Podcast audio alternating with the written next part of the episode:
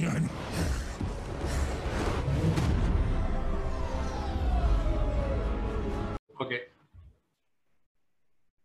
Oke, welcome back guys. Welcome back to our channel.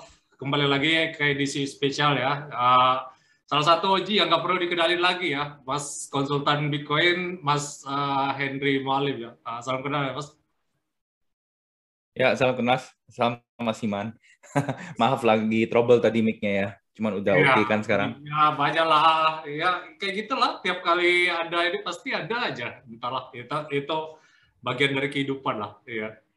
Sebelum yeah. ini Mas apa singkat aja Mas mungkin ya mungkin Mas uh, ya, butuh singkat juga kan maksudnya nggak perlu panjang uh, sekilas saja konsultan Bitcoin tuh Mas uh, awalnya gimana bisa uh, kecetus itu gitu. Kalau saya sendiri sih sebenarnya di retail ya, retail sama F&B, eh, tim mama. Uh, cuman 2019 awalnya itu sebenarnya iseng aja iseng aja pengen coba gini bikin kelas ngajarin juga teman-teman sama keluarga sama orang-orang lah yang kira-kira berminat kayak gitu eh hmm, sambil saya mencoba juga saya berdoa kalau beneran jalannya seperti ini buat ngajar orang-orang ya udah biarin dah. Ada nggak sih orang yang berminat bimbel kayak gitu? Eh ternyata beneran Pratiwi tuh Kak Pratiwi. Coin Veritas tuh yang jadi yang pertama sebenarnya yang ikut uh, ikut bimbel saya kayak gitu. Istilahnya bimbel karena uh, menurut saya sih orang kan banyak ambil kursus gitu ya, banyak ambil bimbingan belajar di luar, mau matematika, mau fisika, bahasa Inggris, orang kan nggak ragu gitu loh ambil bimbel. Dan menurut saya konsepnya kelas pembelajaran, bimbel, kursus itu mirip sih kalau ada orang yang mau bimbel, kursus, ambil kelas, nah itu uh, bisa belajar di saya secara privat ataupun grup gitu. Mulainya dari situ sih, cuman awalnya iseng aja, terus saya bikin materi, dan betulan uh, dapatnya uh, hardcore maxi seperti Kak Pratiwi itu yang pertama itu, iya, dan beberapa selanjutnya. Dan ya gitu aja sih, waktu bear market kebanyakan nggak terlalu berminat ya. Waktu bull market kemarin 2021 tiba-tiba banyak peminat lagi gitu. Sekarang mulai reda lagi, mulai sepi lagi. Ya seperti itulah siklusnya. Iya biasa lah ya. Jadi ya berarti ya tergolong lama juga ya 2019 ya. Belum enggak ngerasain bear market dulu mas. Maksudnya aha momennya pas 2019 itu ya. Uh, enggak, kalau saya sih mulainya dulu iseng waktu PT Bitcoin Indonesia jadi Indodax tahun 2017 ya kan. Ah, iya. Cuman iseng aja sih dulu. Uh, masuknya lewat doku, saya udah cerita juga sama yeah, iya, Bang yeah. Tahir. Yeah. Ya, dari situ udah 2018 ngalamin uh, marketnya turun, anjlok uh, kenceng tuh. Dan ya sebetulnya 2018 sampai 2020 sih gerakannya kalau ditarik di zoom out itu kayak nyamping gitu naik turun naik turun antara 13.000, 4.000, 13.000, 4.000, 3.000 gitu. Itu terus 2018 sampai 2020 barusan. Iya. Ya itu ya wajar sih. Soalnya ya inilah Wells itu juga eh, nggak uh, pengen jadi orang bodoh kan. Dia tuh pengen ya dimainin terus psikologi kita sekarang aja kita kayak gitu juga kan. Ya mungkin ya itu lah guys. Uh, kalau misal kalian penasaran lebih lanjut mengenai Mas Edric Wali konsultan BTC, ntar aku saya uh, let's share di link deskripsi ya mengenai ya eh, konten Mas podcast sama Mas Tohir kemarin sama IDBC kemarin. Nah, jadi kita langsung aja nih Mas uh, tanpa basa-basi panjang karena tadi sempat mic-nya juga masalah trouble gitu ya. Yang Mas bilang ini uh, to the point aja, maksudnya uh, yang Mas uh, Mas kan terkenal sama tesis Mas yang ininya ya, apa uh, di endgame yang pas kemarin uh, Bitcoin conference kan. Ah, terus uh, endgame di sini Mas uh, hyperbaconization atau dollar collapse atau apa? Soalnya uh, si Michael Saylor tuh pernah nyebut bahwa uh, Bitcoin dan dolar itu koeksis dia satu sama lain. Jadi nggak bakal collapse itu US dollar. Itu menurut Mas gimana? Apa dia itu cuman uh, sekedar ini aja, angin surga aja, soalnya dia uh, apa di bawah SEC juga kan, perusahaan publik kan. Jadi dia nggak berani ngomong uh, dolar tuh langsung ini kan, apa uh, hyperinflate atau doom and gloom kayak gitu. Nah menurut Mas di sini gimana? Hmm. Jadi topik Bitcoin Endgame itu uh, saya angkat untuk spesial untuk conference 2021 yang lalu ya.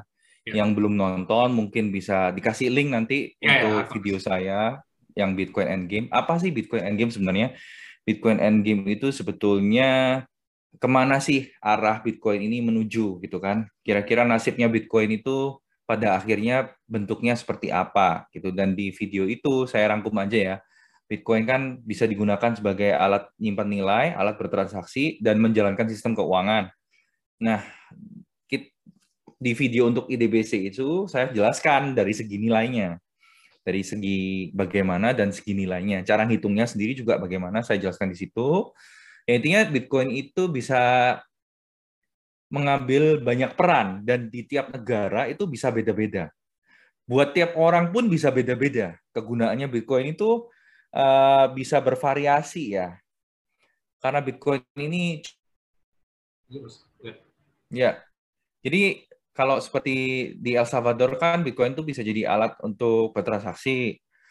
Lalu Bitcoin ini bisa juga yang mau digarap sama si Jack sama Strike, si Jack Mollers, itu Bitcoin sebagai jaringan sistem keuangan. Jadi Bitcoin itu uh, kita nggak harus bertransaksi dalam Bitcoin, tapi kita bisa make jaringannya Bitcoin itu kayak jaringan OVO atau GoPay atau QRIS atau GPN atau Visa atau Mastercard.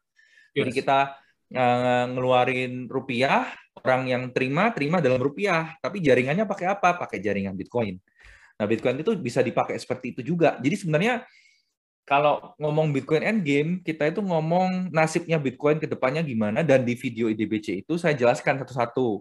Kalau Bitcoin itu nasibnya sebagai alat tabungan atau nyimpan nilai, nilainya itu kira-kira potensinya seperti ini. Ngitungnya caranya kayak gini, gitu kan.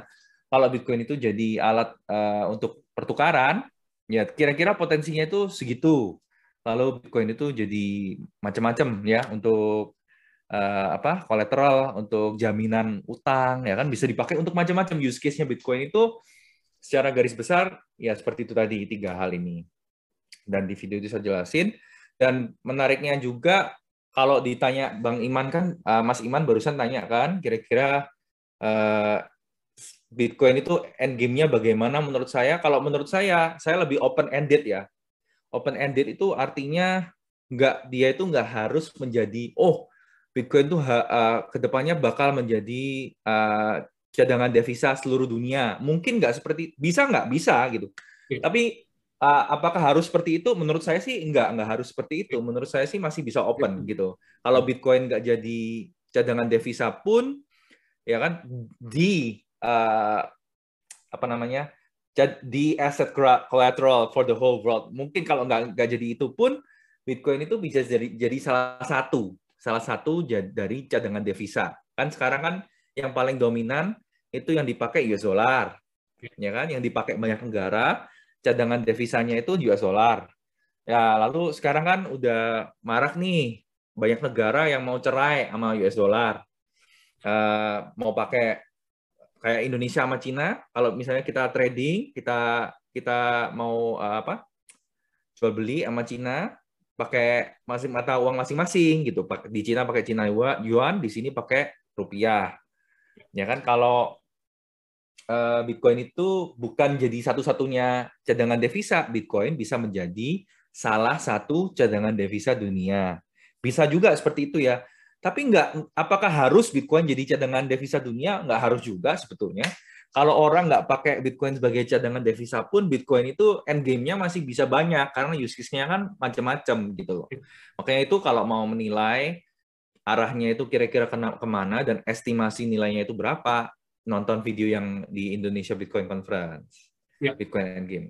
Ya, aku nonton sih. Cuman uh, yang tadi jadi pertanyaan, dia bisa apa? Uh, yang bilang dolar sekarang kan udah hyperinflation dan emas juga uh, pernah tinggal di Amerika juga kan. Maksudnya kemarin pas di video video IDBC itu kemarin uh, Mas bilang apa harga apa minyak udah nggak wajar lagi. Jadi uh, kalau beneran hyperinflation berarti eh, ya ini udah mendekati end game apa masih jauh mas. Soalnya uh, kalau misal kita balik lagi ke apa tesisnya dari Ray Dalio yang baru ini The New World Order tuh hmm. sebelum mungkin Bitcoin udah hyper Bitcoinization kayaknya Cina dulu yang jadi world reserve currency. Uh, mas uh, sepakat sama itu nggak? Atau uh, Mas mau masuk uh, sama yang teori Mas yang tentang SDR itu, yang bucket currency yang Mas bilang tadi? Hmm. Jadi uh, betul banget Ray Dalio dan teman-teman baru-baru ini kan ngeluarin komentar juga, bukan cuma si Ray Dalio, si uh, komentator yang paling banyak diikutin di Twitter itu namanya si Luke Gromen. Ya. Si Luke Gromen itu menilai dia dan dan teman-teman yang sepaham sama dia itu menilai bahwa uh, kekuasaan dolar itu udah di end game. Sekarang posisinya US dollar itu udah di end game-nya dia sejak uh, the Fed ya kan Bank Sentral Amerika itu bisa mensensor gitu bisa bilang, eh Rusia punya cadangan devisa di kita dalam bentuk US dollar itu udah nggak bisa dipakai lagi. Ya, sejak Amerika ngomong gitu ke Rusia, uh, banyak negara sekarang jadi takut, jadi khawatir, jadi mikir loh. Kalau aku simpen dolar sekarang, padahal dolar yang disimpan itu bukan dalam bentuk kertas ya. Dolar yang disimpan itu cuma bentuknya di angka di komputer gitu kan. Di komputernya siapa? Ya di komputernya The Fed, Bank Sentral Amerika. Ya kan kalau Bank Sentral Amerika tiba-tiba bilang, eh lu nakal ya, kamu nakal, kamu nggak boleh lagi pakai US dollar. Nah, sekarang eh, kayak Rusia dan negara-negara lain yang punya kepentingan politik yang lain mungkin dari Amerika pasti juga akan ketar-ketir kan. Loh kalau aku simpan dolar, berarti sebenarnya dolar ini nggak aman untuk disimpan gitu loh. Untuk dijadikan alat transaksi nggak aman ya kan barusan dibatasin. Untuk dijadikan alat simpan nilai apalagi gitu kan? Dolar kan mengalami inflasi yang official itu tujuh persenan.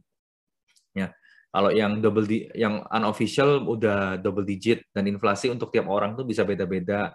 Nah, itu ada sekolah nah, itu kan cara hitungnya lagi gitu. Uh, uh, cuman formalitas aja CPI number inflation itu. Padahal aslinya apa uh, nggak sesuai apa CPI numbernya bisa lebih. Jauh malah Betul banget. Jadi uh, si kalau nggak salah bukan si Luke Gromen di podcastnya si Preston itu dijelasin cara ngitungnya untuk kita pribadi mesti dibedain gitu.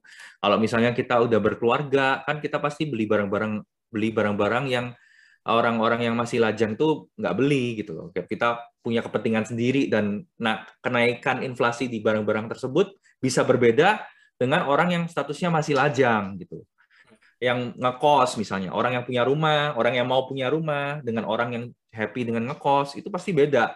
Cara ngitung inflasinya masing-masing itu berbeda kayak gitu. Nah, uh, kalau pertanyaan Mas Iman tadi tentang Cina ya, kira-kira uh, ke mana nih? Kan sekarang uh, negara-negara ini pemerintah-pemerintah kan yang ketar-ketir sama tindakan politik Amerika, ini mereka pasti cari alternatif gitu. Kalau sekarang yang udah terjadi nih, ini bukan spekulasi ya yang udah terjadi antara bisa dicari nih beritanya ya semua bisa di verify sekali iya. lagi uh, prinsip yang kita mau kenalin itu don't trust verify ya kalian bisa cek sendiri gitu omongan kita di sini omongan saya di sini termasuk uh, yang udah terjadi sekarang udah sejak 2019 atau 2020 seingat saya paling enggak 2020 antara Indonesia sama Cina itu udah trading pakai mata uang masing-masing di luar US dollar dan Rusia dan Cina barusan juga sama. Rusia dan Cina juga barusan trading di luar US dollar juga. Entah caranya bagaimana, yang di berita sih dijelasin settlementnya pakai mata uang negara masing-masing, ya kan? Kalau transaksi sama Cina ya pakai yuan gitu.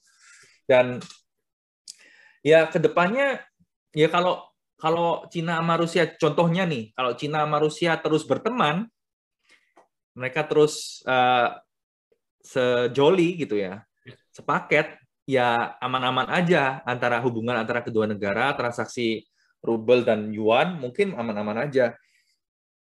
Apa yang terjadi besok? Kalau misalnya tiba-tiba Cinanya yang mau menguasai Rusia gitu kan, ah, apakah hubungan itu hubungan yang aman antara mata uang yuan sama Rusia itu masih bisa terus terjalin gitu? Menurut saya tanda tanya ya. Sama juga dengan Indonesia kan, sekarang Indonesia udah trading uh, dengan Cina di dalam mata uang masing-masing. Kalau misalnya ini ini spekulasi ini ya, tapi kan spekulasi yang berdasar gitu loh. Tiba-tiba Cina mau menyerap Taiwan dan Laut Cina Selatan. Dan kalau kalian ngikutin geopolitik yang terjadi kan ya, Cina bukan cuma ngeklaim Taiwan, bukan cuma ngeklaim Laut Cina Selatan, Cina juga mau ngeklaim sampai lautan itu sampai bawah sampai Natuna bahkan. Ya kalau kalian ngikutin. Cina itu uh, sampai ngeklaim perairan Natuna itu milik uh, negara Cina berdasarkan asas sejarah Cina yang kuno. Yes. Ya, oke okay, kalau kalau hubungan kita sama Cina masih akur ya nggak apa-apa gitu loh. Tradingnya, settlementnya pasti pakai dolar dan yuan, gampang kan. Apa yang terjadi nih? Pertanyaan buat kita semua kan. Kalau besok-besok misalnya secara politik ya kita punya kepentingan yang berseberangan gitu. Kita nggak mau nggak mau Cina ada di perairan Natuna. Ya kira-kira gimana nasib uh, perdagangan antara Cina dan Indonesia? Ya saya rasa ya nggak bisa juga orang Indonesia dan pemerintah Indonesia saya harap nggak cuman beralih dari US dollar terus sekarang maunya nyimpan yuan yang banyak ya jangan begitu juga ya kan ya kalau pemerintah yang baik Uh, dan menurut saya si El Salvador itu tipe pemerintah yang cukup progresif, cukup pintar gitu loh. Jadi mereka dalam pemerintahannya mereka kan pintar. Daripada saya El Salvador itu punya hubungan baik by the way dengan Amerika dan dengan Cina. Karena mereka juga barusan disuntik dana banyak dari Cina untuk infrastruktur, untuk bangun airport. Mereka ngaku kok, kalian bisa temui uh, apa? Cari ya kebenaran klaim-klaim saya. Semua ada sih uh, dia disuntik dana dari Cina juga uh, banyak untuk bangun infrastruktur. Salah satunya airport di El Salvador. Uh, dan kalau nggak salah pelabuhan juga dibantu oleh uh, duit Cina gitu ya. Tapi El Salvador pinter gitu loh. Dia kita bisa ngeliat lah tren yang pertama dicetuskan dari El Salvador itu El Salvador nggak lari dari US dollar kan sekarang pakai US uh, legal tendernya dia nggak lari langsung legalkan US dan Cina Yuan, enggak. Dia legalin Bitcoin. Ya, itu hmm, negara yang pertama ya, jadi susah dibilang. Belum ada tren gitu. Kalau si Michael Saylor bilang kan kalau kita ada satu perusahaan, itu mungkin masih kecil. Tapi kalau udah dua, udah tiga, itu sekarang kita bisa tarik garis tren. Yes. Ya kan, trennya naik atau turun gitu loh. Kalau udah ada dua, ada tiga, ada empat, itu bisa ada trennya. Ya, ya. Udah mulai kan trennya, jadi kita lihat aja nanti kalau negara-negara lain bakal ngikut uh, si Rusia, model-modelnya kan macam-macam kan kepentingan politik, geopolitik, uh, lalu kapasitas masing-masing pemerintahan itu kan berbeda-beda. Ada yang mau memutuskan kayak Rusia, ya udahlah kita cerai sama, sama dolar. Sekarang kita masing-masing aja settlement dalam mata uang masing-masing. Ada juga yang bisa besok-besok memungkinkan follow si El Salvador meskipun IMF barusan keluar-keluar. Jangan ya, jangan follow ya. Ya, tapi kan dia si IMF itu juga ini kan, walaupun dia pengen membuat SDR, dia juga ini apa uh, mewanti-wanti lah si ngasih ultimatum lah ke El Salvador tuh uh, begging lah, maksudnya dia nggak nggak pengen ini ya diadopsi Bitcoin itu kan. Iya, karena si IMF tuh punya kepentingan Bitcoin sendiri. bakal jadi bagian SDR atau uh, Bitcoin ini sendiri uh, bakal ada men-challenge sistem SDR yang bakal dibikin IMF ini. Ya, makanya uh, kalau kita udah ngomong soal IMF, saya lihat pergerakannya IMF ini rada galau sebetulnya. Karena di sisi satu sisi IMF kayak waktu mereka ngomong ke El Salvador yang lalu, jangan harap dipertimbangkan kembali. Mereka juga barusan ini ngomong ke Argentina, dibilang lu jangan pakai Bitcoin. Barusan si IMF ngomong ke Argentina. Tapi di sisi lain anehnya banyak banyak perusahaan-perusahaan atau pemerintahan yang besar seperti ini kadang mereka bisa ngambil dua sisi gitu loh. Eh, di satu sisi mereka ngomong jangan jadikan legal tender, di sisi yang lain mereka itu juga ada ngeluarin video tentang kripto sebetulnya. Tahun lalu ada di Instagram saya kalau nggak salah ya bisa digali sih. Yang yang menjelaskan tentang cryptocurrency kegunaannya apa dan lain-lain gitu kan.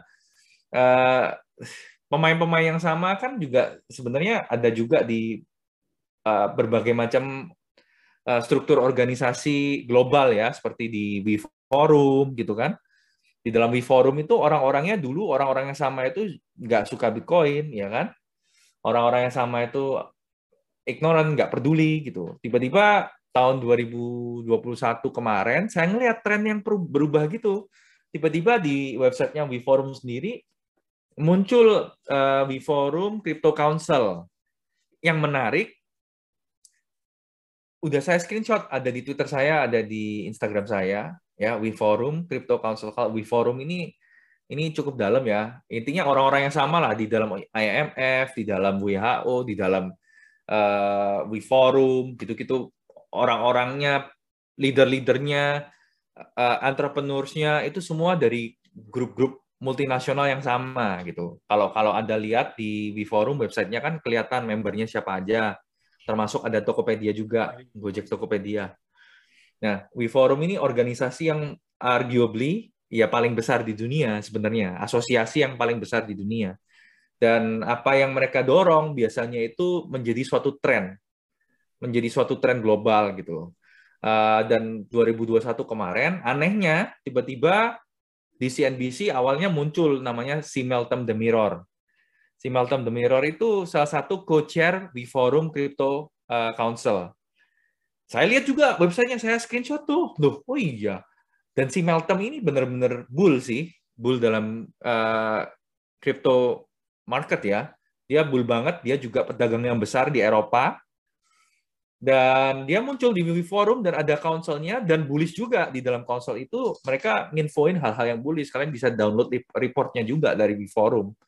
Gitu. Tapi anehnya ya eh, di akhir tahun tiba-tiba kita cari nih Crypto Council di Forum. Kemarin sih kemarin-kemarin saya cari nggak ada. Kalau mau dicari sekarang bisa gitu. kalian cari sendiri. Crypto Council tiba-tiba lenyap gitu.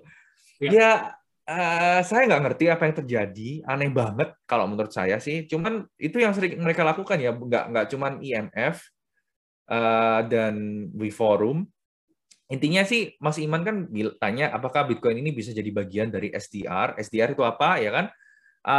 SDR itu suatu standar, suatu kalau bisa dibilang kayak mata uang baru yang terdiri dari uh, basket of other currencies. Jadi suatu keranjang uh, mata uang mata uang dunia yang dominan yang dijadikan satu dan nilainya itu jadi standar sendiri. Yes. Gitu. Intinya Eh, dan dari dulu dari tahun berapa 70-an 80-an itu udah mau dijadikan suatu standar global lah gitu. Dan IMF pakai SDR ini untuk minjamin utang, untuk ngutangin negara-negara yang membutuhkan, untuk uh, banyak hal lah. Dan di situ pun mereka uh, memanfaatkan ini ya kepentingan-kepentingan politik mereka juga gitu. Dan kalau ada, Bitcoin apakah bisa jadi uh, there is no freelance lah. Maksudnya uh, uh, walaupun dia ujung uh, namanya foreign state kayak gitu ya. Cuman kan uh, ujung-ujungnya kalau uh, ada deal-dealan nggak nggak sanggup bayar itu tetap default juga kan. Maksudnya nggak bisa gagal bayar juga kan. Jadi uh, ya benar sih aku bermas ya uh, SDR ini benar apa uh, ya ada kepentingan juga di belakangnya. Tapi aku nggak ngerti apa maksudnya posisi Bitcoin ini ntar gimana ya kan ini spekulasi ya kita nggak tahu ya. Ntar batal jadi hmm. SDR juga atau dia apa uh, uh, men-challenge dari SDR itu sendiri. Soalnya sat, yeah. sat, satu-satunya yang nggak bisa dikontrol kan Bitcoin kan. Yang lain kan semuanya bisa dikontrol kan. Jadi ya uh, if you can beat them, join them. Jadi ya dengan cara mengadopsinya paling.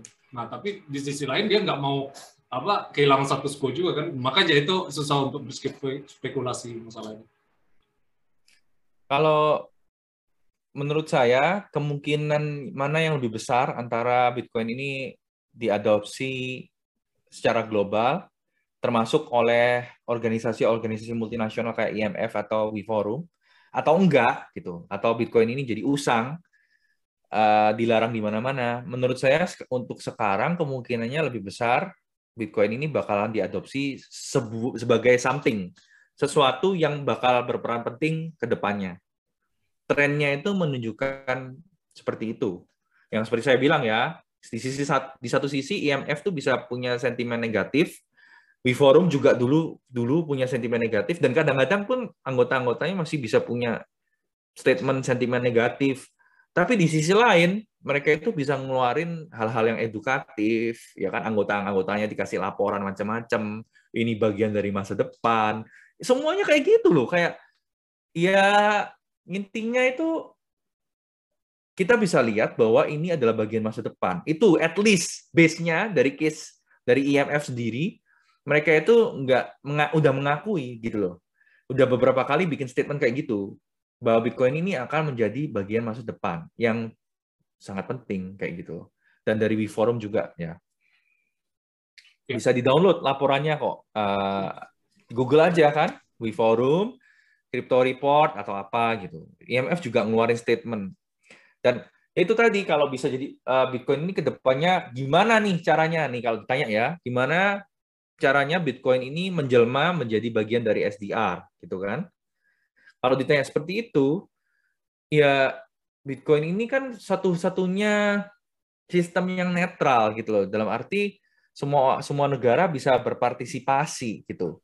Mungkin kalau Amerika mau nyensor pun misalnya nih, kalau mau membatasi transaksi, mereka cuma bisa membatasi dari centralized exchange, dari ya. pasar jual beli yang sentral.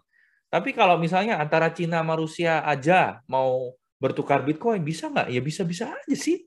Siapa yang bisa batasin gitu Kalau Amerika nggak terima pun mereka bisa hard fork loh. Ya tergantung komunitas juga kan. Mereka bisa bikin BTC CR gitu, Cina Rusia gitu kan kalau emang Amerika yang nggak terima, minersnya kan sebagian besar di Amerika. Ya tergantung juga orang-orang ke depannya mau pilih yang mana gitu. Mau sistem yang bisa dibatasin oleh satu kepentingan atau enggak. Tapi pilihan itu ada dan Bitcoin menjadi sistem yang netral ini saya pernah ngomong di video dulu. Kemungkinan bakal diadopsi lebih banyak negara. Ya, tapi untuk statement ini jadi kenyataan, kita perlu lihat trennya setelah El Salvador ada lagi nggak negara selanjutnya yang mengadopsi Bitcoin sebagai legal tender. Kalau ada nih setelah El Salvador, ya kan, satu negara yang mengadopsi kayak gitu, ya saya rasa trennya itu mulai mulai ini ya menggelinding ke arah situ. Tapi ini tren-tren yang jangka panjang, jangka panjang banget. Benar, benar. Ya, dalam waktu dekat, maksudnya uh, menurut Mas nggak ada ya yang uh, bakal jadi the, new, the next El Salvador? kalau si Samson Mau, Samson Mau itu uh, salah satu pemain di balik El Salvador, jadi legal sender. Dia udah ngomong uh, 10 negara mungkin tahun ini, at least mungkin yang dia mau propose atau kemungkinan juga dia udah tahu gitu ada ada ini ada draft RUU-nya mungkin rancangan undang-undangannya undang-undangnya di negara masing-masing. Mungkin dia udah tahu antara dia mau nge-pitch, propose ke 10 negara atau memang udah ada RUU di 10 negara ya kita kita lihat aja nanti. Cuman orangnya emang udah keliling keliling banyak negara sih. Kayaknya sih menunggu waktu aja. Dan kalau ngomong soal tren ya kayaknya banyak negara yang barusan ngelihat berita Rusia sama Amerika yang di-cut ya foreign reserve-nya. Uh, itu pasti mikir-mikir lah kita nyimpen US buat apa? gitu. Terus nyimpen emas. Ya kan emas gimana cara verify-nya? Terus mau transport ke negara lain di verify lagi itu kan cost time consuming gitu loh. Jadi benar-benar top predator yang selanjutnya itu ya Bitcoin ini gitu. ya benar uh, jadi uh, ya itulah kalau misal ya inilah uh, bukan resiko sih maksudnya tantangan bagi hal yang baru ya maksudnya belum ada historik uh, momen, jadi kita cuma bisa spekulasi kayak gitu ya. Cuman kalau orang udah sama-sama ngerti, jadi udah nggak ada potensial upside-nya lagi, malahan udah masa adoption kan. Jadi ya ya inilah memang kayak entrepreneurial bet lah yang kalau Michael Saylor bilang. Jadi ya bagi yang masih nggak ini mas menurut mas gimana nih? Maksudnya ya ini uh, sekalian mau menutup juga kan mas minta tadi setengah jam juga. Jadi uh, sekarang nih menurut Mas fase ya kan yang di Redalio tadi kan Amerika pengen disalib Cina kan. Cina bakal jadi world reserve currency. Berarti uh, sekarang ini di fase apa Mas? Inflasi, deflasi atau stagflasi menurut Mas uh, di dunia sekarang di kondisi di mana? Kalau inflasi kan udah wajar lah, maksudnya tiap-tiap tahun naik. Nah, tapi menurut Mas uh, di posisi dunia sekarang di posisi kayak gimana? Kayaknya semua orang setuju deh. Para pengamat mayoritasnya setuju bahwa kita menuju inflasi yang semakin naik uh, seperti itu ngelihat kondisi sekarang ya. Dan kalau misalnya hmm, bank-bank hmm, sentral di dunia termasuk the Fed gitu mau menaikkan suku bunga dan terjadi eh, ekonominya resesi gitu. Mungkin terjadi banyak volatilitas ya. Kan orang ngomong harga Bitcoin naik turunnya bisa kenceng. Nah, sekarang kita bisa lihat harganya minyak itu juga sama kayak harganya Bitcoin. Volatilitasnya kenceng banget. By the way, 2020 eh, nggak ada yang mau simpan minyak. Waktu semuanya lockdown, minyak itu futuresnya ya kan sampai negatif. Tahu nggak kenapa negatif? Karena nggak ada tempat untuk nyimpan minyak itu nggak ada yang mau stok minyak waktu itu ya kan jadi kalau kita nih kita mau beli kita dibayar loh dibayar untuk nyimpan minyak kalau bisa punya tempat yang cukup besar ya untuk nyimpan minyak tahun 2020 negatif gila nggak. Lalu sekarang sampai melesat melebihi 100 dolar. Kemarin 125 ya kan? Kalau ada yang iya. ingat turun lagi loh sampai 100 terus sekarang naik lagi. Ya volat, volat, volatilitas tinggi gitu. Uh, di dalam kondisi makro sekarang menurut saya ya volatilitasnya akan cukup tinggi. Tergantung manuver-manuver yang nggak terduga ya dari bank sentral dari militer uh, dari kalau dari covid ya banyak orang narasinya sekarang mungkin covid kalau ada pun balik pun September Oktober kayak gitu menurut narasinya ya itu tapi bisa juga dari angle itu gitu kan bisa dari berbagai macam angle gitu. Kalau perang dunia ketiga bagaimana? Ya itu beda. Itu mesti ngikutin perkembangannya terus sih kalau kayak gitu ya. Tapi ya ini intinya intinya yang seperti saya bilang, saya juga tulis di Twitter saya yang uh, saya pin itu makronya 2022 ini volatilitasnya bakalan tinggi kayak gitu. Uh, di dalam banyak hal. Kalau misalnya uh, the Fed naikin suku bunga termasuk Bank Indonesia yang juga naikin suku bunga. Properti otomatis juga akan lesu gitu loh, karena bunganya tinggi siapa yang mau beli gitu. Kalau bunganya rendah gini, itu semakin menarik gitu ya untuk orang beli, apalagi dengar inflasi. Tapi kalau bunganya tiba-tiba naik 20%, nah gimana tuh yang floating bunganya selama ini? Ya bisa terendam semua gitu, susah bayar, gagal bayar gitu kan. Nah, makanya uh, volatilitas akan tinggi dalam banyak market dan menurut saya sih hmm, cash pun juga bukan hal yang bisa dipegang dengan aman ya dalam jangka panjang nilai daya belinya itu semakin turun gitu. Jadi uh, diseimbangkan aja lah gitu. Uh, kalau banyak orang diseimbangkan gimana caranya imbangkan ya seimbangkan dengan hal-hal yang kita perlu inilah kita perlu pelajarin dulu gitu yang kita nyaman kita comfortnya gimana. Kalau orang Eh, rata-rata kan yang melawan inflasi atau melawan volatilitas itu emas yang udah terbukti ya emas. Dan sekarang mungkin ada bitcoin gitu jadi ya itulah uh, ya aku setuju sih mas. Mas kan pernah ini apa yang di pernah tinggal di Amerika ngerasain resesi 2008 nggak? Maksudnya di Amerika dulu atau enggak Ya jelas, oh, jelas, jelas dulu, banget. Waktu oh, itu saya ingat. Itu, itu kan gara-gara prop juga kan, maksudnya uh, suku bunga rendah, orang terinsentif apa uh, eh, KPR, tapi tiba-tiba suku bunga naik langsung ah ya kayak gitu kan resesi. Betul banget dan saya masih ingat jelas yang memulai resesi itu sebelum marketnya itu meledak semua itu harga awalnya itu dimulai dari harga minyak yang naik. Jadi saya pernah bilang harga minyak dulu pernah di atas 100 130 atau 140 gitu per barrel. Nah itu yang saya ingat benar karena waktu saya ngisi bensin di pom seperti harga yang sekarang kita temui kayak gitu. Untuk harga sekarang kan sampai 4 dolar, 5 dolar per per galon. Uh, dulu waktu saya ngisi, duh naiknya baik banget. Waktu harga harga bensin naik, otomatis lah di mana-mana lah. Nggak usah di Amerika. Kalau di Indonesia aja, kenapa Pertalite selama ini harganya stabil gitu? Karena kalau di, begitu dinaikkan, yang pakai Pertalite tuh 70 per, berapa persen ya? kalau seingat saya kemarin saya baca berita itu 70% atau 60% rakyat Indonesia ini pakainya pertalite gitu. Jadi kalau pertalite naik, ya otomatis semua biaya bakal bakal naik dan saya ingat gitu nasi uh, gyudon dulu nggak ada di Indonesia, belum sebelum Yoshinoya ada di Amerika ada gyudon 4 dolar 75 tiba-tiba naik 5 dolar. 5 dolar di tahun yang sama nih, 5 dolar tiba-tiba naik 5 dolar 25. Ya, ya dari situ bukan cuma itu aja, yang lain-lain banyak yang naik gitu. Jadi kerasa makanya uh, karena inflasi itu banyak orang yang tiba-tiba kesusahan untuk dagang, kesusahan untuk inilah bayar tagihan, ya kan, kesusahan untuk uh, bisa spending. Nah, kalau di mana orang itu susah spending, ekonomi ini akan lemah gitu. Waktu ekonomi lemah ya itu resesi dari situ. 2008 ya, seperti itu. Domino sih maksudnya sampai aku nggak habis pikir media sebesar Bloomberg aja kan tadi kalau network kalian di bawah 300 ribu per tahun kalian dilarang apa dilarang konsumsi maksudnya nggak tahu lah. You are nothing and ya yeah, you will be happy ya kan? Itu kan kalau makanya narasi narasi narasinya sama semua loh. Aneh nggak sih? narasinya bisa sama semua. Itu you own nothing and you will be happy itu datangnya dari mana ya? Dari we forum we forum. Uh, iya dari we forum ya? Iya dari we forum bener.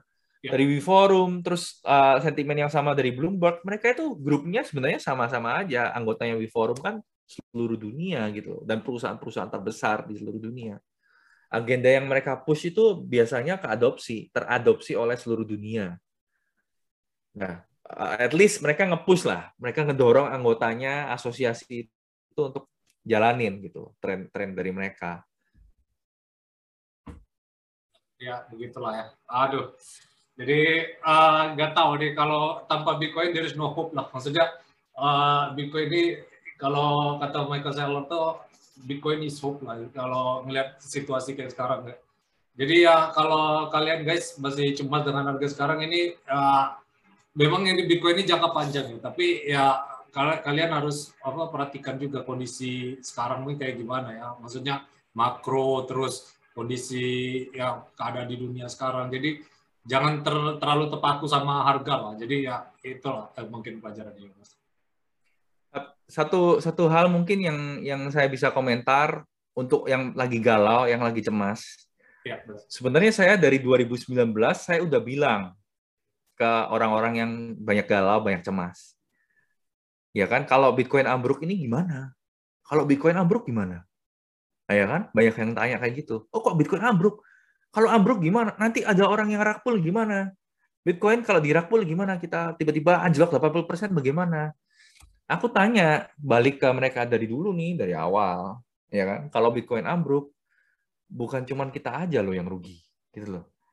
Perusahaan kayak Samsung yang udah invest pakai blockchain key store. Google aja blockchain key store itu dari Samsung loh. Developernya ada berapa? Cari infonya gitu loh mereka develop sendiri hardware wallet dalam Samsung dan softwarenya di Indonesia belum dibuka, belum dikasih aksesnya. Tapi ada sebenarnya di sini.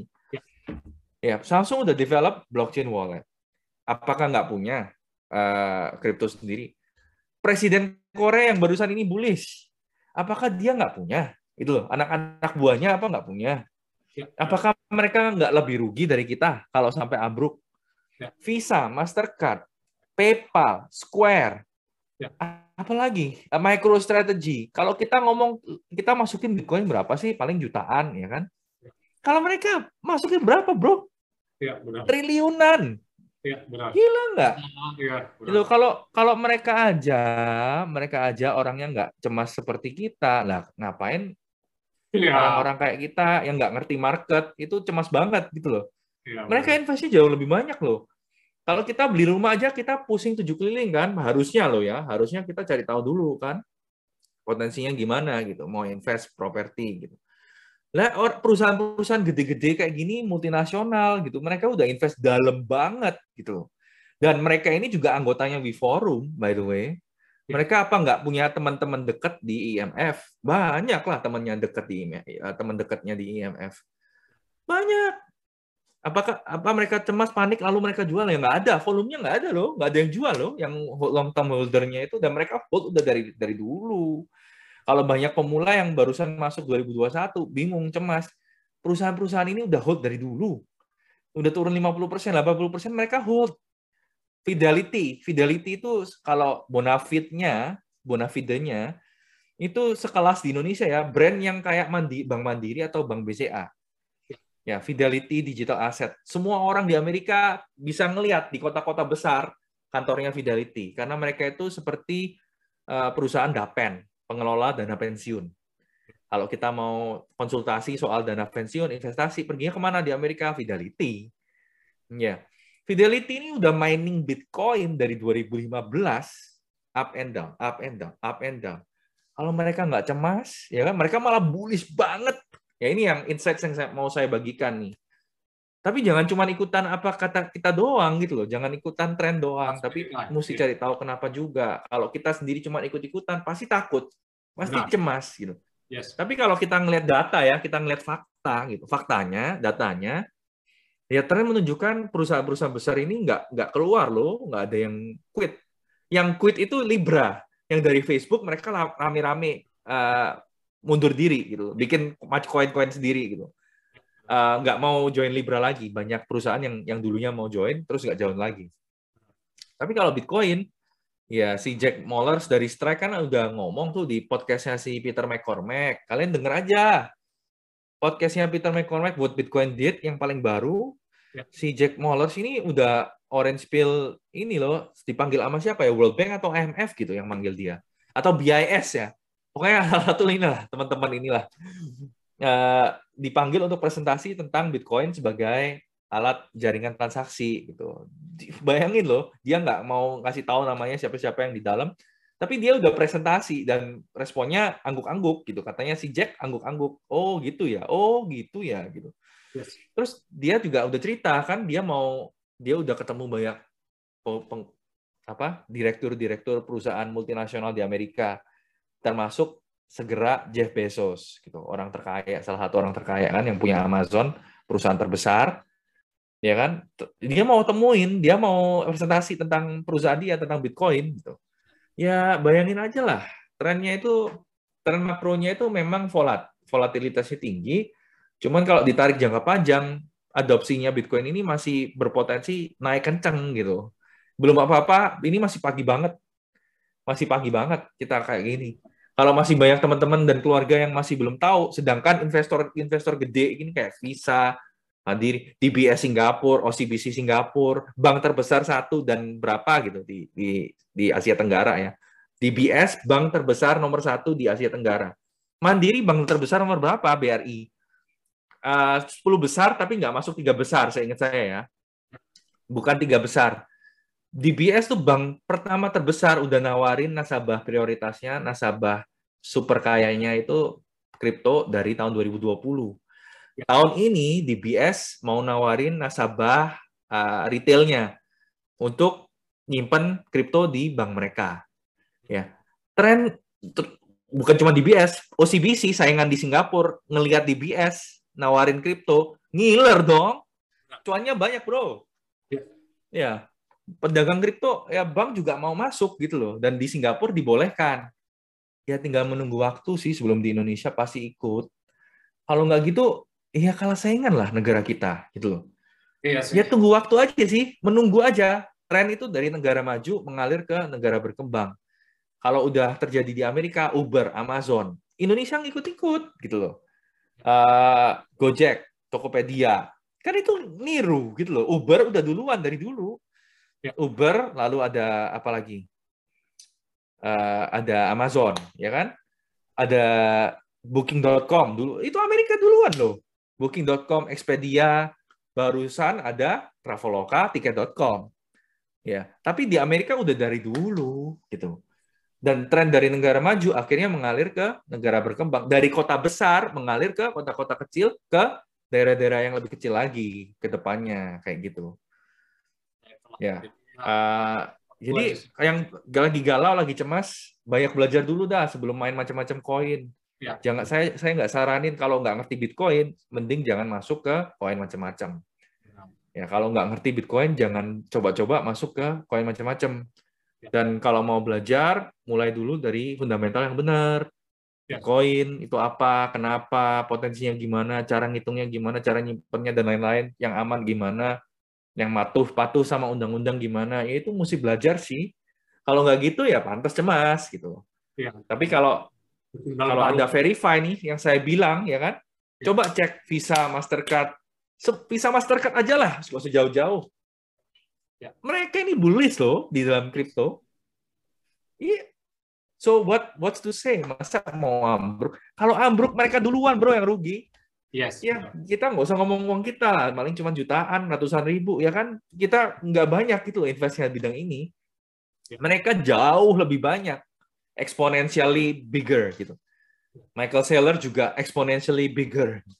Ya, ya nggak usah galau. Menurut saya sih ya mesti sesuai lah. Makanya kita ada beberapa di antara kita kan, kayak saya kelas Bitcoin, uh, Coin Veritas, ada Cryptstock, Duit Pintar, bisa di approach juga masing-masing kan. Kalau butuh bimbingan, kita bimbing juga uh, di sini untuk gimana cara ngitung resiko kita sendiri, cara pendekatannya ke dalam bidang ini gimana, mesti dipelajarin masing-masing tuh. Atau mau belajar sendiri juga bisa. It's good. Udah banyak kan influencer kayak Mas uh, Mas Iman gitu. Udah belajar udah ngasih pengajaran yang free gitu. Bisa, bisa juga gitu. Ya itu. Nah, don't trust verify. Walaupun kalian apa uh, udah masuk tapi tetap ini ya apa belajar terus ya mas. Jangan beli kucing dalam karung lah kita ibaratnya itu investasi itu kan yang bodong tuh sebenarnya investasi yang kita nggak tahu apa yang kita beli kan. Terlepas apa pun. Kalau misal hmm, hmm. saham tuh apa uh, bagus tapi kita nggak tahu cuma ikut ikutan termasuk bodong juga kan sebenarnya. Ya itu ya itulah. Balik lagi ke diri masing-masing lah Nah jadi udah hampir Betul. sejam nih mas. Uh, apa uh, ini mungkin sebelum penutup aja, I just for fun, no financial advice. Maksudnya benar mas Bitcoin ke arah mana nih? Maksudnya udah udah selesai bulannya atau masih uh, lanjut 100k atau berapa 20k atau berapa? Hmm, Tesis saya untuk tahun ini masih sama ya. Yang saya pin di Twitter itu makro 2022 ini sangat volatilitasnya itu tinggi. Yes Uh, jadi pergerakan naik turunnya itu bisa kenceng, kalau nggak bisa tahan, punya mindset jangka panjang. Ini gampang, ini saya kasih resep gampangnya ya untuk tahun ini ya. Kalau nggak nggak bisa tahan volatilitas naik turun tinggi, ya DCA aja, dollar cost average gitu. Paling gampang saya bilang ke teman-teman uh, keluarga, kalau nggak mau kalau mau gampang, Bitcoin aja, DCA, belinya nyicil, ya kan, punya target juga gitu, mau dijadiin apa gitu Jangan cuma nyimpan Bitcoin. Saya bukan aliran yang nyimpan, maksudnya harus disimpan Bitcoin terus, nggak boleh dijual sama sekali. Enggak. Valid ya. Saya bukan aliran yang seperti itu sih. Punya target lah untuk masing-masing bisa beda-beda lah. Oke okay lah. Memang kita bisa bisa inilah kenaikan Bitcoin bisa masih sangat banyak gitu loh. Tapi jangan sampai kita kehilangan momen-momen dalam hidup juga untuk untuk bisa nikmatin hidup gitu. Jangan sampai kehilangan kayak gitu juga. Kalau uh, tren pergerakan Bitcoin ke mana menurut saya sangat jelas gitu loh. Menurut saya kalau ditarik jangka panjang, adopsinya itu naik. Kalau adopsi naik, harga akan mengikuti. Gitu loh. Jadi kita lihat aja nih, kalau sesuai dengan Samson mau 10 negara tahun ini bakal adopsi, nggak usah 10. Tambah satu aja. Kan udah bisa ditarik tuh katanya Michael Saylor. Kan sekarang El Salvador sendirian. Kalau kita punya grafik, ya kan dari sini El Salvador sendiri. Kalau ada negara yang kedua, ya kan? Berarti kan udah ditarik trennya itu berarti udah ada tren gitu loh. Ada dua negara tiga negara. Naik kan trennya adopsinya. Ya kalau kalau udah ada dua tiga negara menurut saya itu udah bergerak. Bola tren Bitcoin dijadikan legal legal tender itu bakal guling semakin cepat. Menurut saya seperti itu. Dan saya setuju sama si Samson mau sih. Kalau ada negara yang tiba-tiba mengadopsi bukan nggak mungkin tengah tahun itu bisa 100 ribu. Kalau Bitcoin buat Bitcoin naik ke 100 ribu itu lebih gampang daripada tahun 2020 Bitcoin dari 4 ribu ke uh, 29 ribu. Ya, yang masih ingat Bitcoin 2020 bottomnya 4 ribuan ya kurang lebih. Dia tuh rally naik turun naik turun naik turun sampai 29 ribu itu berapa kali lipat? Uh, tujuh kali lipatan ya, tujuh kali lipatan ya. ya. Kalau Bitcoin sekarang ke dua ke 100 ribu itu cuma dua setengah kali lipat loh. Makanya lebih gampang Bitcoin itu rally dari poin sekarang ke 100 ribu daripada rally Bitcoin di tahun 2020. Padahal marketnya sekarang Bitcoin partisipannya itu jauh lebih banyak daripada tahun 2020. Kalau di Indonesia aja kan menurut uh, yang orang dari Peruri yang ada di Instagram saya itu 20 tahun di capital market kalah sama satu tahun di kripto satu tahun terakhir tahun 2021 yang lalu. Partisipannya semakin banyak, banyak banget sekarang gitu loh. Mungkin nggak Bitcoin 100 ribu tahun ini, mungkin aja. Tapi saya susah prediksi karena sekali lagi makronya volat, volatilitasnya tinggi ya. ya. Bisa bisa banyak faktor gitu loh yang nggak bisa diprediksi. Kalau mau aman ya punya mindset jangka panjang gitu. Sama kayak perusahaan-perusahaan kayak Michael Saylor gitu, MicroStrategy, Visa, Mastercard, Samsung, Amazon, besok-besok Amazon pasti kok, Microsoft juga pasti terlibat di dalam bidang ini. George Soros ya kan udah invest banyak banyak banget George Soros invest di dalam bidang ini. Gitu. Kalau kalian lihat angkanya dipikir-pikir gila ya. Mereka kok berani ya invest segini sekian ratus juta dolar di dalam bidang ini. Gitu loh. Apakah itu uh, cuman BS aja? Iya, saya rasa sih enggak lah Iya, di yeah. cek kelihatan ya. Hmm, hmm, hmm. Ya, jadi ya itu ya guys apa uh, tren uh, kita nggak ada yang tahu yang jelas uh, tetap DCA dan ya punya target sendiri ya intinya kayak gitu ya mungkin. Ya, ya bisa uh, manage resiko sendiri. Ya benar, manage resiko sendiri. Mulai resikonya di volatilitas itu tadi mas. Ya udah mungkin itu aja uh, uh, podcast kali ini guys. Uh, support terus uh, konsultan BTC sama antar aku bakal share uh, link deskripsi yang artikel terkait tadi sama video tentang in game juga. Uh, leave a like and subscribe to our channel ya.